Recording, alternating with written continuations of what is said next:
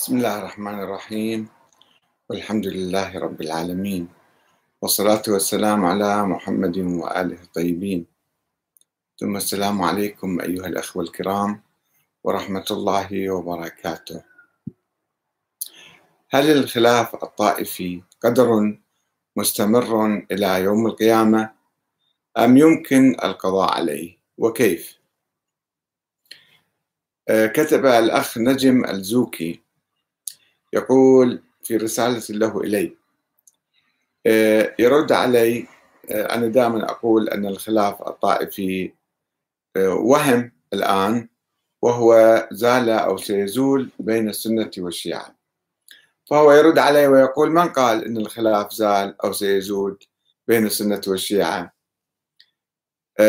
من قال الآن وبعد 1400 سنة زال الاختلاف بين المذاهب بعضها البعض الآخر وخاصة بين مذاهب جمهور المسلمين وبين مذهب أهل البيت.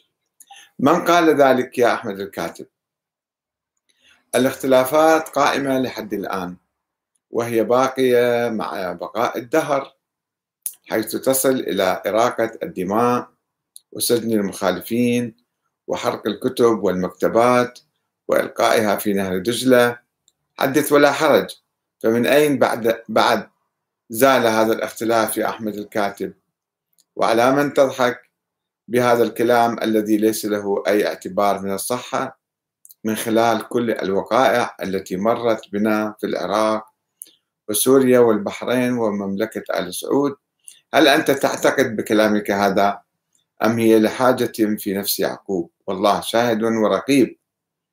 اطلب حاجتك من الله ولا تركن إلى الطغاة يا رجل. قل كلمة الحق ولا تبخل وتلين لأعداء الله واتق الله فالله يمكر وهو خير الماكرين.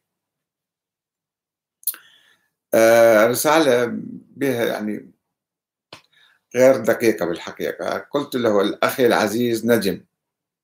لم أقل ما قلت عبثا أو رجما بالغيب وإنما بناء على قراءة الفكر الشيعي قراءة معمقة ودراسة عوامل الخلاف بين السنة والشيعة دراسة متأنية. وقد سجلتها في كتابي هذا اللي هو لماذا تفرق المسلمون الحقيقة والوهم في الخلاف الطائفي. حيث وجدت في تلك الدراسة التي دامت سنوات في الحقيقة وهذا الكتاب حوالي 420 صفحة. وجدت آه، أن جوهر الخلاف بين السنة والشيعة هو حول الإمامة يعني حول الحكم والخلافة. وهل هي في آل البيت أم شورى بين عامة المسلمين؟ وأن ذلك الخلاف كما وصلت إلى هذه النتيجة أن ذلك الخلاف أصبح من التاريخ السحيق. وذلك لأن عامة المسلمين اليوم مما يسمى بالسنة والشيعة يؤمنون بالشورى والديمقراطية. ولا وجود لأئمة أهل البيت ولا العباسيين ولا الأمويين.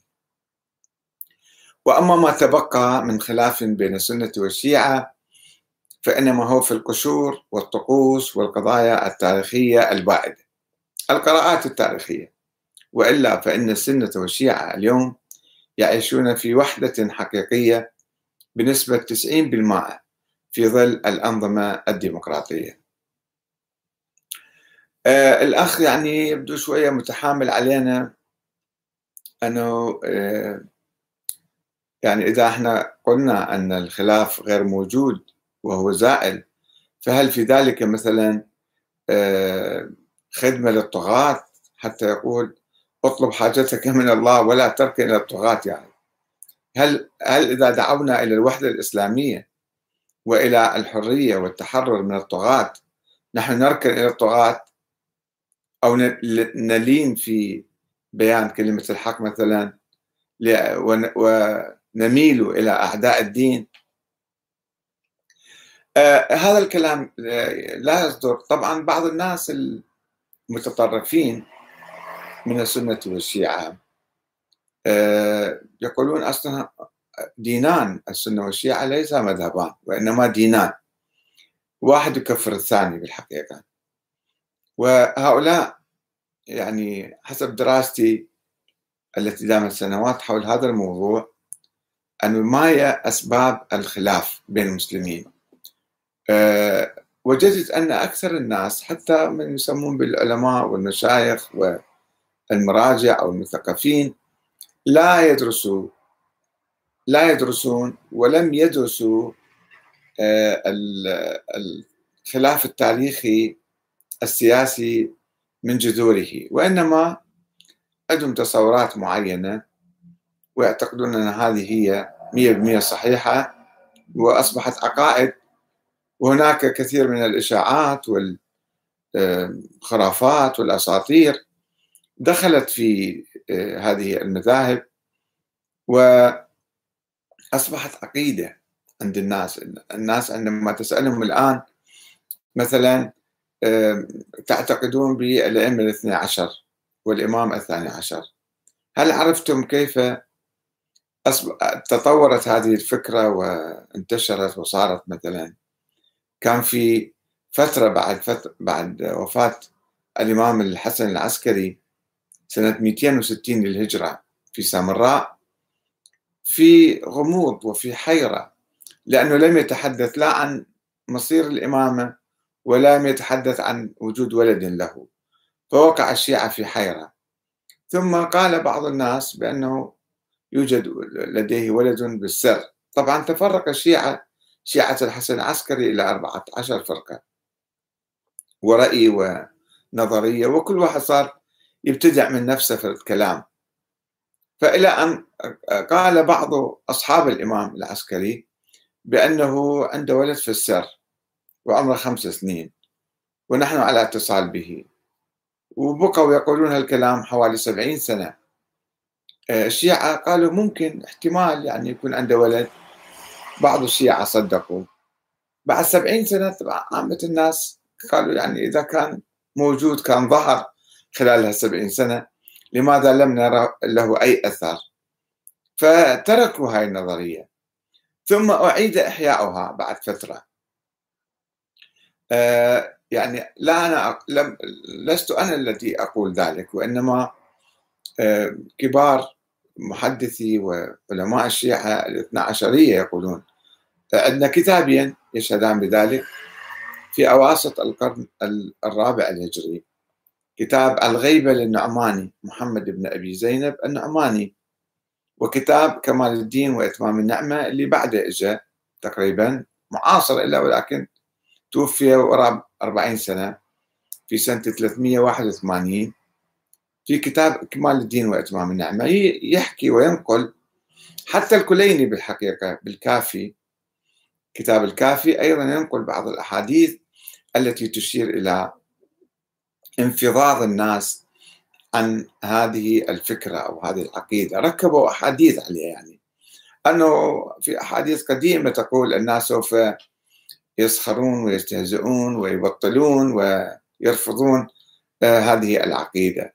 وهذا هذا كان يحكون الأجواء اللي كانت قائمة في تلك الأيام. ف نظرية الإمامة أصبحت عقيدة أيضا عند بعض الناس ولكن لم يبحثوا. حتى أنا وجدت علماء كبار مثل السيد الخوئي مثلا لم يبحث في نشوء نظرية الإمامة وكيف نشأت وعلى ماذا اعتمدت وهل النصوص التي رويت فيما بعد هل كانت صحيحة أو كانت مزورة أو كانت؟ لم يبحثوا في هذه الأمور. فلذلك يعتبروها مسلمات. بينما هم لو واحد درس التاريخ الشيعي يجد أنه كان في جدل. حول النصوص وحول الوصايا وحول العلم علم الأئمة آه، وحول أعمارهم وحول قضايا كثيرة كانت آه، تتحدى هذه النظرية. وهي قامت على بعض الادعاءات بالمعاجز وعلم الغيب وما شابه لهذه أشياء مو منطقية في الإسلام. يعني لا يوجد أحد يقترح أو يأتي بمعاجز رسول الله صلى الله عليه وسلم لم يأتي بأي معجزة غير القرآن. أو يقولون الأئمة يعلمون الغيب ولذلك هم أصبحوا أئمة. فإذا إحنا ناقشنا في هذه الأمور بالمعاجز التي تروى لإثبات إمامتهم ورفضنا منطق المعاجز رفضنا منطق علم الغيب فلا يوجد دليل على الأئمة أنهم أئمة من الله وأنهم لهم مكانة خاصة علماء كانوا علماء أبرار. هاي النظرية كانت أيضا موجودة عند الشيعة الإمامية. المهم هذه الشيعة نظرية الشيعة يعني الإمامية بالذات الشيعة التشيع السياسي للولاء لأئمة أهل البيت أو للإمام علي مثلا بالذات في البداية. طيب مع آه، وفاة الإمام علي واستشهاده لا يبقى معنى لمشايعته لأنه بعدما تنازل الإمام الحسن عن الخلافة دعا عامة الشيعة إلى مبايعة معاوية وأصبحوا أمة واحدة و يعني عامل سنة والجماعة كما يقولون عامل الجماعة بعدما تنازل الإمام الحسن عن الخلافة. فانتهى التشيع مع عهد معاوية انتهى التشيع. ثم ولد من جديد مع مثلا ثورة الإمام الحسين كان هناك ناس شايعوا الحسين. أو شايعوا زيد بن علي أو شايعوا الإمام الصادق أو الباقر أو كذا. فولدت حركات عديدة بعد ذلك. آه، حملت لك اسم الشيعة أو لقب الشيعة وهي تختلف تماما عن التشيع السياسي الذي كان للإمام علي بن أبي طالب. ثم عموما كل الحركات كل الفئات كل الأحزاب الشيعية انتهت يعني بعد قرون من الزمن انتهت. وبقيت آثارها. بقيت مثلا بعض الكتب أو بعض الأحاديث التي تروى عن الأئمة. الشيعة الاثنى عشرية ولدوا في القرن الرابع الهجري. آه، على أساس حديث أخذوا من السنة. وكان للخلفاء العباسيين دور في صناعة هذا المذهب الاثنى عشري. وكذلك للبويهيين الحكام البويهيين الذين حكموا في الدولة العباسية في ظل الدولة العباسية في القرن الرابع والخامس الهجري. هؤلاء كان لهم دور أيضا في صناعة المذهب البويهي المذهب الاثنى عشري. ألف سنة كانوا يقولون يجب أن ننتظر هذا الإمام الغائب الإمام الثاني عشر. ومثلا يحرمون إقامة الدولة في عصر الغيبة. والثورة والمقاومة وكل شيء. الآن الشيعة يعيشون تطور جديد تطور جذري. آه، تخلوا في هذا التطور في هذه المرحلة عن الشروط التعجيزية والصعبة والمثالية والخيالية في الحكام. أن آه، نحن لا نقبل بأي حاكم يأتينا إلا أن يكون معصوم أو يكون معين من قبل الله. هذا شيء ما ممكن وما موجود ولم يوجد في التاريخ. بعد النبي لم يوجد أحد عينه الله أو مثلا كان معصوما أو كان كذا. نظرية فقط هي. نظرية مثالية خيالية الآن الشيعة يقولون بالشورى يقولون بولاية الفقيه يقولون بالديمقراطية. عندهم حركات مقاومة عندهم أحزاب سياسية. فلم يعودوا شيعة على المفهوم الاثني عشري أو الإمامي. يحبون أهل البيت وحب أهل البيت موجود عند كل المسلمين. لا خلاف حول حب أهل البيت والاقتداء بهم و... على الأقل يعتبرون علماء أبرار علماء صالحين قدوات إيه، يقتدون بهم. فإذا في الحقيقة الخلاف الجوهري الذي كان في القرون الأولى آه، بين بعض الأحزاب الشيعية وبين بقية المسلمين كان يدور حول الحكم ونظام الحكم وال يعني لمن الحكم وما إلى ذلك وهذا انتهى. حتى كلمة آه، يعني إذا أجينا على الجانب السني. الجانب السني كانوا آه، الجيل الأول الإسلامي جيل الصحابة والتابعين كان يؤمن بالشورى يؤمن بحق الأمة بانتخاب الإمام وبانتقاد الإمام وأمر بالمعروف نهي عن المنكر. كانت أقرب إلى روح الإسلام. بعد ذلك سيطر الأمويون وجاءوا بالحكم الوراثي العسكري. أنه بالقوة هم سيطروا وورثوا الحكم إلى أبنائهم واحدا بعد واحد. ثم جاء العباسيون وساروا على دربهم وعلى طريقتهم. ولدت مذاهب فقهية في القرن الثاني والقرن الثالث بناء على بعض الأحاديث تميزت هذه المذاهب. المذهب الحنفي مثلا كان أقرب إلى العقل وأبعد من الأحاديث أخبار الآحاد أو الأحاديث الضعيفة. المذهب الحنبلي لا كان مثلا أبعد عن العقل وأقرب إلى متمسك ومتشبث بأي حديث يجي مثلا. يعني حسب بعد تصحيحه مثلا. ولكنه يتوسع. المذهب الشافعي المذهب المالكي بالوسط بين المذهب الحنفي وبين المذهب الحنبلي. والمعتزلة أيضا كانوا آه، هم مختلطين مع الأحناف مثلا. آه، ثم حدثت يعني آه، كانت صراعات أيضا موجودة بين المذاهب التي تسمى سنية أو التي سميت فيما بعد. المذهب السني كان يطلق على المذهب الحنبلي.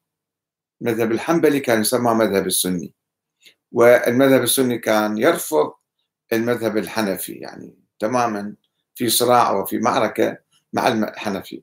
بين الشافعية والحنابلة والأحناف أيضا كانت صراعات موجودة في القرن الثالث في القرن الرابع.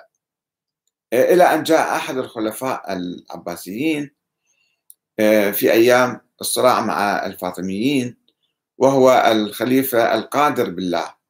تولى الخلافة في ظل السيطرة البويهية سنة 381 فهذا الخليفة آه، شعر أنه مركز الخلافة ضعيف في مقابل البويهيين الذين يسيطرون على الدولة. وأيضا كان هناك خطر امتداد الدولة الفاطمية إلى العراق. اقتربوا جدا من بغداد حتى. فهو عمل خطة لمقاومة هذا المد الفاطمي أو الشيعي أو آه، يعني المعارض له فجمع المذاهب الفقهية السنية في إطار واحد جديد أطلق عليه أهل السنة والجماعة. الخليفة القادر بالله في نهاية القرن الرابع الهجري وربما بداية الخامس فأصدر البيان القادري. يسمى البيان القادري يحدد عقيدته والعقيدة اللي نشرها في صلاة الجمعة وفي المشايخ والمدارس والعلماء وهي أقرب إلى العقيدة الحنبلية حتى أنه استتاب القضاة الأحناف. أنه إذا تدخلون في إطار السنة يجب أن تتوبوا إلى الله. استتاب الأحناف. وكذلك المعتزلة طبعا أيضا استتابهم. وتشكل ما يسمى بالمذهب السني اللي يضم أربع مذاهب. وإلا كانت مذاهب أخرى موجودة المذهب الظاهري المذاهب الأخرى كانت موجودة ولكن كانت منقرضة أو ميتة أو قليلة.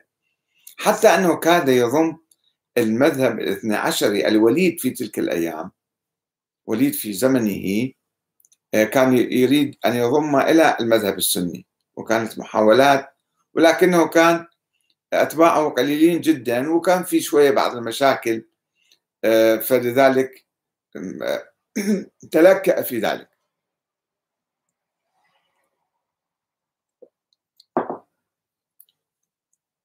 فالمهم هذه كانت خلافات سياسية قديمة محورها العباسيين والعلويين في مقابلهم سواء في الدولة الفاطمية أو في الدول الزيدية التي قامت أيضا. حركات عديدة قامت على فكر سياسي معين. يستمد الشرعية من مثلا حديث الأترة أنه أني تارك فيكم الثقلين كتاب الله وأترتي الأترة هم العباسيين مثلا أو العلويين. كان صراع على هاي الكلمة. الآن الفكر السياسي الإسلامي عموما في كل البلاد الإسلامية إلا ما شد وندر يقوم على حق الأمة في اختيار الإمام على الفكر الديمقراطي يعني أو فكر الشورى المتطورة بصورة ديمقراطية.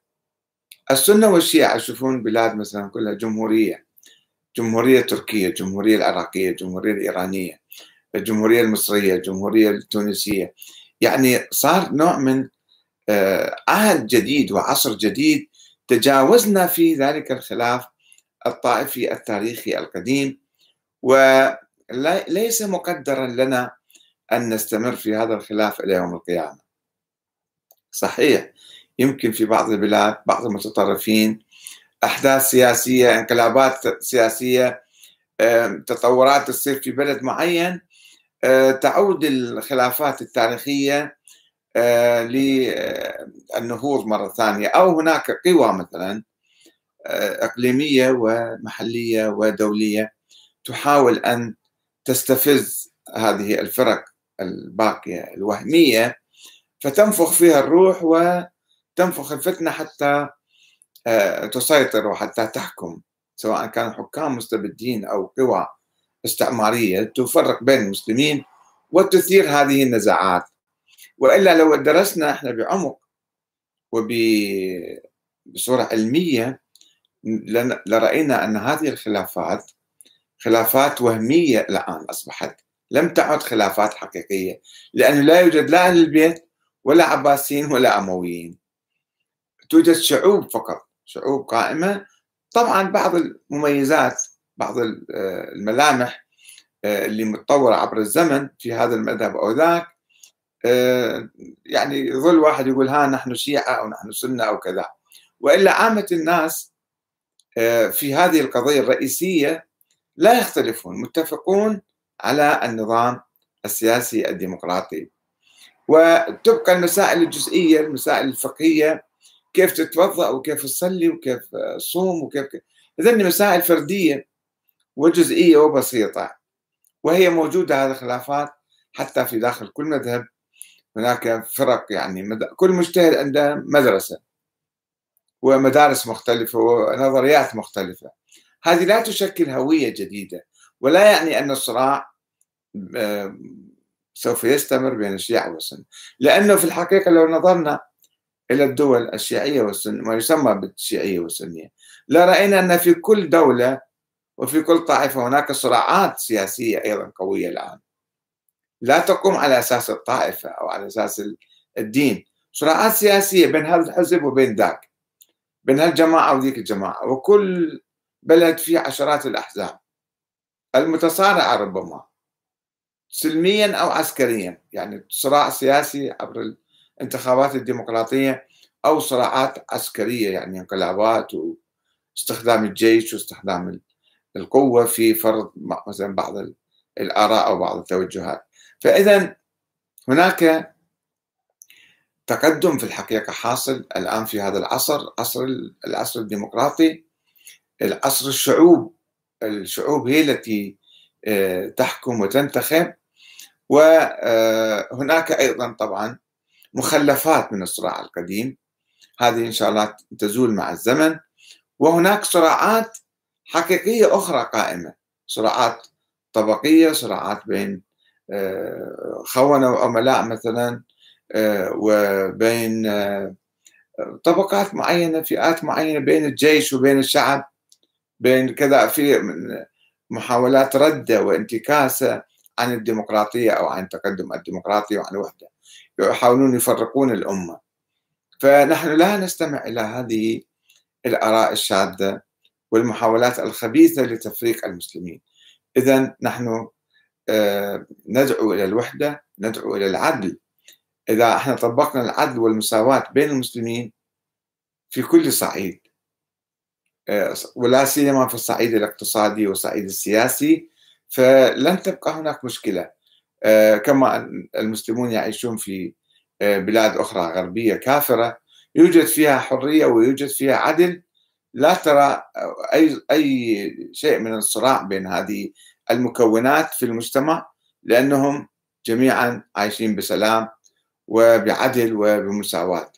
فإذا نحن طبقنا هذا الشيء في بلادنا وإحنا يمكن مبدئيا نؤمن الآن ولكن بعدنا شوية نحتاج إلى التطبيق الدقيق لهذه الشعارات وهذه المبادئ. سوف تزول هذه الخلافات التاريخية وتصبح وتصبح من التاريخ كما أن مثلا في البلاد الأوروبية أو الأمريكية أو الغربية عموما كانت هناك صراعات مذهبية كانت هناك صراعات طائفية صراعات دينية. زالت الآن العالم الغربي وضع كل تلك الصراعات وراء ظهره ويعيش المشكلات الحية الموجودة الآن. كيف يوفر العدالة والمساواة والحرية والقانون وسيادة القانون في هذه البلاد؟ كما أنه كانت هناك في الغرب ولا سيما في أمريكا مثلا التي قامت على آه، استعباد آه، ناس من أفريقيا عشرات الملايين آه، استعبدوهم وأخذوهم إلى أمريكا. فباقي الصراع الأرقي موجود في الثقافة الأمريكية أو في المجتمع الأمريكي. ولكن هذا أيضا مع تطور المجتمع والتأكيد على المساواة والعدالة حتى هذا الخلاف يزول أو يخف أو يبقى شيء من التاريخ. ولا يصبح قضية إذا الصراع الأرقي يجب أن يبقى على يوم القيامة. لا أحد يقول بذلك. الصراع مثلا الطبقي يجب أن يبقى على يوم القيامة. لا أحد يقول ذلك. إذا إحنا استطعنا ويجب أن نعمل بالحقيقة كل واحد من عندنا شعوبنا وأحزابنا ومجتمعاتنا يجب أن تعمل من أجل تجاوز التاريخ والاهتمام ببناء الحاضر على أسس العدل والمساواة والحرية التي يأمر بها الإسلام. والسلام عليكم ورحمة الله وبركاته.